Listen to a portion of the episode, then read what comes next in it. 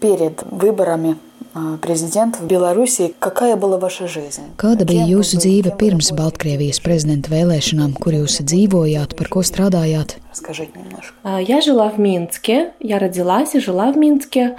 Я бы сказала, что у меня была достаточно благополучная жизнь. Я имею в виду в плане обеспеченности, круга общения. Es dzīvoju Minskā, un man šķiet, ka dzīvoju pārtikušu dzīvi gan finansiāli, gan arī ar plašu draugu un paziņu loku, jo kopš 2000. gada sāku publicēties kā rakstniece un darīju to tieši dzimtajā valodā. Visa mana dzīve saistīta ar Baltkrievu valodu mūsu inteliģences lokā. Man ir 36 gadi, un mūsu paudze vēl atceras padomju laiku, jo piedzimām tajā, turklāt vēl pagavām piedzīvot arī dažus brīvības gadus 90. gadu sākumā, kad Baltkrievijā tika atzīts mūsu vēsturiskais karoks un ģērbonis. Tāpat skolā tolaik mācījāmies vēl to valsts vēsturi, kas pietuvināta realitātei, nevis to, kuru tagad mācību līdzekļos teju ik gadu Baltkrievijā pāraksta. Tāpēc es nevaru teikt, ka negaidīju to, kas tagad notiek Baltkrievijas sabiedrībā. Es no agras jaunības esmu bijusi pilsoniski aktīva, bet es arī gluži neesmu barikāžu cilvēks. Es esmu agrāk piedalījusies dažādās protesta akcijās, bet es zinu, kā slēpties un kā pareizi jāuzvedas. давно, много лет, то есть уже 27 лет, да, естественно, мы уже знали, как это делать, и мы, мы знали, как себя вести. Ну, а без протестов просто, как, какая была жизнь? Bet vēl pirms runājam par protestiem, kāda bija tieši jūsu ikdienas dzīve, strādājot kultūras jomā? Жизнь? Во-первых, я бы сказала, что наша белорусскоязычная интеллигенция, круг интеллигенции, это довольно закрытое, такое небольшое сообщество. Беларусь, в принципе, небольшая страна. Pirmkārt, es teiktu, ka Baltkrievu valodā runājošās inteliģences sloks ir ļoti neliela un slēgta kopiena. Baltkrievijā Baltkrievu valodā runā aptuveni 5 līdz 7% iedzīvotāju, un par savu dzimto šo valodu uzskata aptuveni 15%. Tas liecina par to, cik ļoti šī sabiedrība ir rusificēta. Tāpēc mūsu kopiena nodarbojās ar grāmatu izdošanu tieši Baltkrievu valodā. Mēs nodarbojāmies ar Baltkrievu kultūras popularizēšanu. Vēl līdz pandēmijai mēs Baltkrievijas Rakstnieku savienībā organizējām literāras tikšanās un muzikālus koncertus tieši ar mērķi aktualizēt Baltkrievu valodu, ko var uzskatīt jau par izzūdošu. Lieta tāda, ka oficiālā Baltkrievijas valsts ideoloģija faktiski atbalsta krievalodību, un lai arī mums ir divas valsts valodas, tomēr Baltkrievu valodu teju vairs neviens neizmanto. Tāpat pie mums šķiet ir pieņemts uzskatīt, ka Baltkrievu valodai var likt vienādības zīmi ar liberālismu, vai ja runā Baltkrievu valodā, tā tad ir pret Lukašenko. Tāpēc mēs it kā dzīvojām parastu dzīvi, bet bez tā mēs ļoti sevi ieguldījām tieši kultūrā un sapratām, ka Baltkrievu valoda ir daļa no mūsu mentalitātes, kuru nevaram pazaudēt. Kāpēc tik daudzi Baltkrievu rakstnieki par to runā? Es domāju, ka tieši Latvijas sabiedrība mūs varētu saprast, jo arī agrāk jūs esat centušies nosargāt savu valodu. Bez savas valodas mēs kā nācija pavisam pazudīsim. Mēs vienkārši kļūsim par impērijas daļu. Tāpēc mēs ikdienu aktualizējām Baltkrievu kultūru un valodu un arī atbalstījām pilsonisku sabiedrību un nevalstisko sektoru, taču tas, diemžēl, bija ļoti slēgts loks.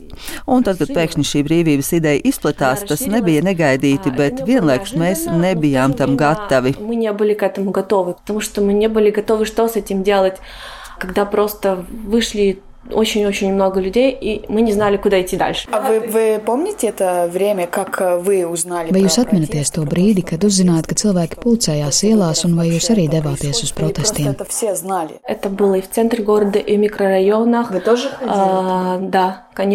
Tas bija visur, centrā un mikrorajonos, tāpēc nebija iespējams to palaist garām. Nemitīgi bija kādas tiešraides, kad vēl eksistēja atsevišķi neatkarīgie mēdīji. Tāpat pilsētu mikrorajonu kopienās cilvēki savstarpēji ziņoja par notiekošo arī tad, kad vairs nebija interneta. На уровне микрорайонов какого-то города, и поэтому между собой могли даже без интернета как-то договориться. А что вы чувствовали в этот момент? когда Kādas шли bija jūsu sajūtas izējot ielās kopā ar tādu iedzīvotāju pūli? народом вместе? Я, честно сказать, э, ну просто поскольку я очень интересуюсь, я филолог и много читаю, интересуюсь историей и тем, как развиваются. Godīgi sakot, ņemot vērā, ka es esmu filologs, daudz lasu un ļoti interesējos par vēsturi un to, kā attīstās dažādi politiski un socioloģiski notikumi. Tad es esmu pesimiste. Proti, es jau no sākuma sapratu, ka mēs nespēsim ar ziediem stāties pret tankiem. Eiropas mēdīja plaši ziņoja par to, cik pieklājīgi ir mūsu protestētāji, kas lielākoties novelk apavus pirms pakāpties uz soliņa un neizsit skatlogu stiklus. Un es sapratu, ka tas parāda mūsu cilvēku kultūru un briedumu, neskatoties uz to, ka viņi ir izauguši Lukašenko režīma laikā, vienlaikus interneta ēra viņus ietekmējusi un protestētāju vidū ir ļoti daudz jaunu, pārtikušu jauniešu, īpaši to, kas strādājuši citās valstīs IT jomā. Viņi var salīdzināt dzīvi dažādās valstīs. Tieši šie cilvēki mani patīkami pārsteidza, bet es arī sapratu, ka viņiem nav tādas saiknes ar mūsu nacionālo vērtību, ar Baltkrievu valodu. Viņu uzstādījums, manuprāt, bija vispirms dabūt neatkarību, un ar valodu pēc tam tiksim skaidrībā. Un mūsu rakstnieku kopiena, protams, solidarizējas ar cīņu pret neatkarību neatkarību, bet mēs pagaidām neredzam, kas īsti ir jaunā Baltkrievija, kā mēs dzīvosim, kā ievēlēsim valsts vadītājus, kā attīstīsim mūsu ekonomiku, jo tāda vienota koncepta sabiedrībā nav. Protestos izgāja cilvēki ar sakarsušām sirdīm, un man ļoti žēl daudzu jauno un skaisto studentu, kas cieta un nokļuva slimnīcās. Tas viss ir murgs. Первокурсников, студентов, которые потерпели, которые лежали в больницах, которые убежали. Ну, просто, это просто кошмар. Против вас тоже были какие-то репрессии? Vai pret jums arī īstenoja kādas represijas? Скажем так, я понимала, что если я сейчас не убегу, то это неизбежно, поэтому, собственно говоря, я здесь. Es sapratu, ka tad, ja neaizbēgšu no valsts, tad represijas ir neizbēgamas. Diemžēl vienā skaistā dienā es pamanīju jau zināmu mašīnu zem logiem, un tas bija tieši laikā, kad notika izmeklēšana nevalstiskajās organizācijās, ar kurām es sadarbojos. Un tās nav saistītas ar politiku, bet gan tikai ar Baltkrievu valodas pētniecību un nacionālās vēstures saglabāšanu. Literatūra, kuru arī es biju rediģējusi un kur ir arī mans vārds, tā tika konfiscēta, lai pārbaudītu tajā kādus ekstrēmisma riskus, un es sapratu, ka agri vai vēlu represijas ir iespējamas. Литература была изъята силовиками и проверяется на экстремизм, и я понимала, что раньше или позже это возможно. То есть. Как это происходит? Это был какой-то разговор, кто-то из... Bet kā tas notiek? Vai jums bija arī kāda saruna ar kādu no valsts struktūrām, vai arī ir tikai tāds kluss mājiens, ka kāds izsako, kā minējāt par auto zem jūsu logiem? Все так по-тихому. То есть в какой-то момент накапливается определенное количество событий, и ты понимаешь, что все, это уже...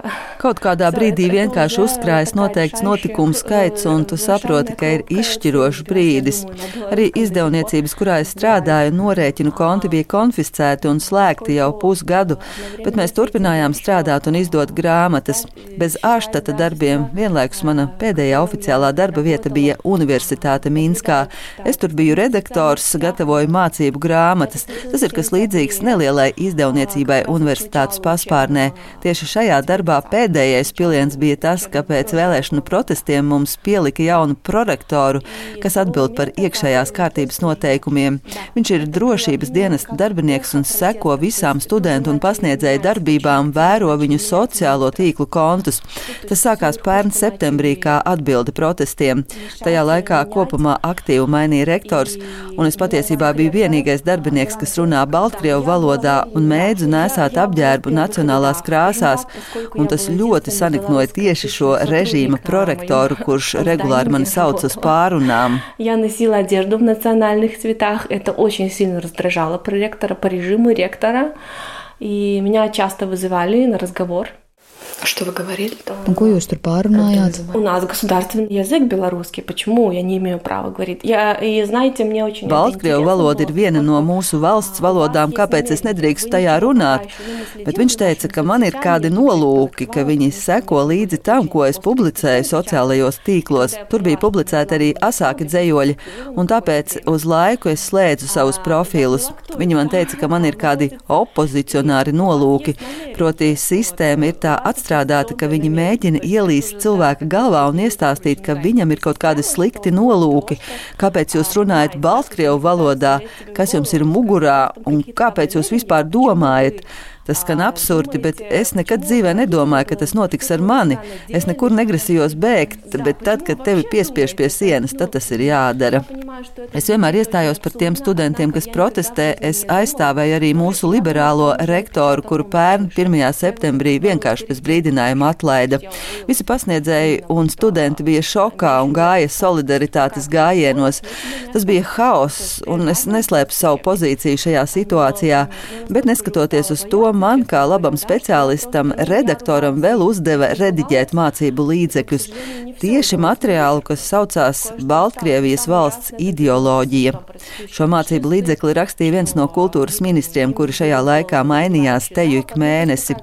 Tā nebija vēsture vai politoloģija, bet tur bija 400 lapušu materiāls, kas pazemoja un kritizēja pilsonisko sabiedrību un arī 20. augusta protestus. Es domāju, ka tas jau ir izdots un studenti to tagad izmanto mācībās. Es to pabeidzu rediģēt šovasar īsi pirms došanās uz Latviju. Es nedrīkstēju aiziet no darba, kamēr nepabeigšu šo rediģēšanu. Viņi mani nelaida prom. Es tik ļoti biju nogurusi no bēlēm, ka es ar viņiem sāku strīdēties. Es izsvītroju klasiskās padomju propagandas vietas, kur bija teikts, ka visi protestētāji ir fašisti un viņu prātus ir aizmiglojuši pūstošie rietumi. Taču arī ne visu man izdevās izņemt no šī materiāla. Studentiem atsevišķās fakultātēs ir arī pārbaudas darbi šajā obligātajā priekšmetā. Piemēram, mūsu universitāte saistīta ar kultūru un mākslām, pat mūzikas studentiem tas ir obligāts kurs.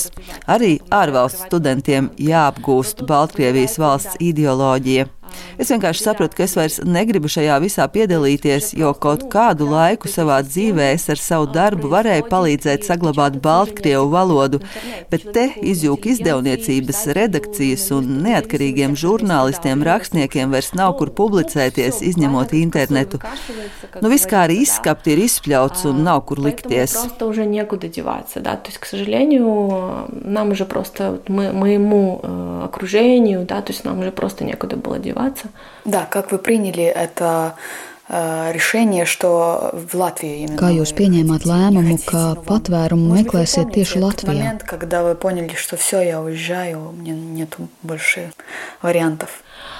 А, ну, я бы сказала так, э, вообще я, я люблю Латвiju само по себе.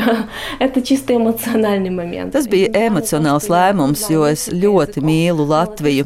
Tā kā es zinu vairākas valodas, to starp poļu, mani paziņas ļoti brīnījās, kāpēc es dodos tieši uz Latviju.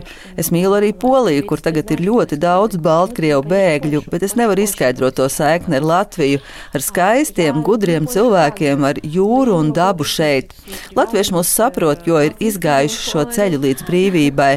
Tāpat man šeit jau ir draugi no senākiem laikiem, tieši latvieši, tāpēc es jau nebraucu uz dūlo. Tiesa, man bija arī grūti pieņemt to, ka ir par 99% skaidrs, ka es vairs mājās neatgriezīšos. Turklāt, domājot par darba iespējām, es visu dzīvi rakstu tieši Baltkrievu valodā, un arī 90% grāmatu, kurām esmu bijusi redaktore, ir Baltkrievu valodā. Es domāju Baltkrievu valodā, lai arī cik patasaini tas izklausās, mans dzīves mērķis bija izglābt šo valodu. Un tagad es saprotu, ka es, protams, kaut ko vēl varu šajā jomā strādāt, bet dzīve pilnīgi sākas no jauna. To bija grūti pieņemt. Daudz Baltkrievu bēgļi man stāstīja, ka tuvākajā laikā es nevarēšu gulēt, bet arī Baltkrievijā pēdējos mēnešus es negulēju, jo tas ir liels stress, kad gaidi un baidies no zvana pie durvīm. Šīs bailes tagad ir pazudušas, bet ir milzu ilgas pēc mājām, kuras agrāk es nevarēju saprast. To var apjaust tikai nonākot šādā situācijā, kad katru nakti sapnī redzi kaut kādus priekšmetus savā dzīvoklī, redzi savas pilsētas ielas, un tad pamosties un nesaproti, kur esi. Tāpat tur palika visi mani tuvinieki. Боже, а где так я, оказывается, уже не дома. Да, то есть и, там, конечно, остаются родственники, о которых ты переживаешь. Vai jūs šobrīd varat komunicēt ar savu ģimeni, ar vecākiem? Для меня очень сложный вопрос, поскольку, ну, скажем так, Мы не очень хорошо общаемся, поскольку мои родственники, они поддерживают то, что происходит. Man tas ir sarežģīts jautājums, jo mēs slikti komunicējam. Mūsu ģimene sašķēlās dažādu uzskatu dēļ. Vecāki uzskata, ka mums valstī viss ir kārtībā, jo ir stingrā vadītāja roka. Viņi nesaprot, kāpēc es vispār kļuvu par literāti un kāpēc es runāju Baltkrievu valodā, ko es darīju jau no agras bērnības. Viņi ir vienkārši padomi cilvēki, kas nekad nekad nav bijuši ārpus Baltkrievijas un nezina, kā dzīvo cilvēki citās vietās, kāda ir kultūra citvieta. Es viņus saprotu, bet vienlaikus ir ļoti grūti aprakstīt sajūtas, kad vecāki tev pasaka, lai tu viņiem vairs nezvani. Mēs ilgi vispār nerunājām, bet šonadēļ tieši pirmo reizi sazinājāmies kopš esmu Latvijā no augusta sākuma. Parunājām ar tēvu, bet neaizskārām politiskās tēmas. Tā ir ideoloģiskā plaisa, kas ir mūsu sabiedrībā. Ir cilvēki, kas izjauc ģimeni, jo nespēja samierināt šos pretējos uzskatus. Es domāju, ka mums, kā pilsoniskajai sabiedrībai, ir nepieciešams arī sēsties pie kopējā pārunu galda un jāveido redzējums, ko mēs darīsim pēc pārmaiņām. Я думаю, в этом причина того, что мы пока вот так рассеялись по всему миру. А есть потом, вы видите, Bet vai jūs redzat pārmaiņas, vai jūs redzat arī galu tam, kas notiek Baltkrievijā? Кончится ничем. Я, я, честно сказать, я просто ну, могу высказать только свое частное мнение, поскольку я все-таки больше писатель. Es esmu rakstniece, nevis politoloģe, bet šajā jomā es esmu pesimiste. Es neticu, ka mēs visos līmeņos varam vienā acu mirklī mainīt nācijas domāšanu. Mūsu mentalitātē, diemžēl, ir paļaušanās uz lielo brāli, kas pateiks, kā darīt, kur strādāt, kā ģērbties un domāt. Tas ir ļoti iesakņojies mūsu cilvēkos. Atbildības uzņemšanās par savām izvēlēm un nākotni ir vienkārša lieta citiem, bet mūsu sabiedrībai tas ir ļoti sarežģīts jautājums. даже те, которые и интеллигентные, умные, либеральные и так далее, которые считают, что вот кто-то им что-то должен. К концу разговора, нашего разговора, может быть, можем поговорить про вас как именно как писателя. Как... Sarunas noslēgumā pastāstiet, kā notiekošais Baltkrievijā ir ietekmējis jūs kā rakstnieci, dzēnieci, kāda tam ir loma jūsu radošajā darbībā. Да, как это влияет на, на вас как художника? Да, конечно, очень влияет. На самом деле я автор двух поэтических книг на белорусском языке. И Jā, tas ļoti ļoti ietekmē. Es esmu autore divām senāk rakstītām dzējas grāmatām Baltkrievu valodā. Šīs grāmatas bija tā saucamās konceptuālās dzējas darbi, un tie kaut kādā veidā varbūt atdarināja frančus, irreālistus un postmodernistus. Tā bija dzējas šķiet šauram lasītāju lokam, bet pēdējie divi gadi ļoti izmainīja manu dzīvi. Ja žurnālists racionāli atspoguļo to, kas notiek, tad dzējnieku pirmkārt vada sajūtas, un varu droši teikt, ka politiski pasūtīta pieeja nedarbojas, bet ja tas parādās kā pārdzīvot pieredze, tikai tad tur būs īstas emocijas, kas atradīs savu lasītāju. Un es tagad daudz rakstu un arī tulkoju, jo man ir savs bloks, kuru varēju atvērt pēc aizbēgšanas un varu brīvi izteikties. Es vienkārši laikam jums nodemonstrēšu, kādas tagad ir manas dzējas rindas, cik ļoti tās atšķiras no dziļi eksperimentālas un konceptuālas dzējas, nonākot vairāk pie visai sabiedrībai aktuālā. И концептуальных стихов к таким более гражданским я, наверное, просто продемонстрирую. Чем больше ты становишься в строй, тем больше ты выпадаешь из строя. Не волнуйся, проснись и пой – Скоро тебя научат спать стоя. Ты настолько боишься открыть свой рот, что по ночам скрипишь зубами. Они крошатся, но ты не признаешься вслух. Он врет, а мы позволяем это. Значит, виноваты мы сами. Ничего нового в этом мире нет. Если ты думаешь, что это свежо и ново, значит, ты дурак или дура. Какое же, какое же это слово, которое так боишься произнести ты вновь и вновь? Диктатура. Savu dzēju lasīja patvērumu meklētāja Latvijā Baltkrievu dzēniece Vika Trenes no Baltkrievijas Rakstnieku savienības.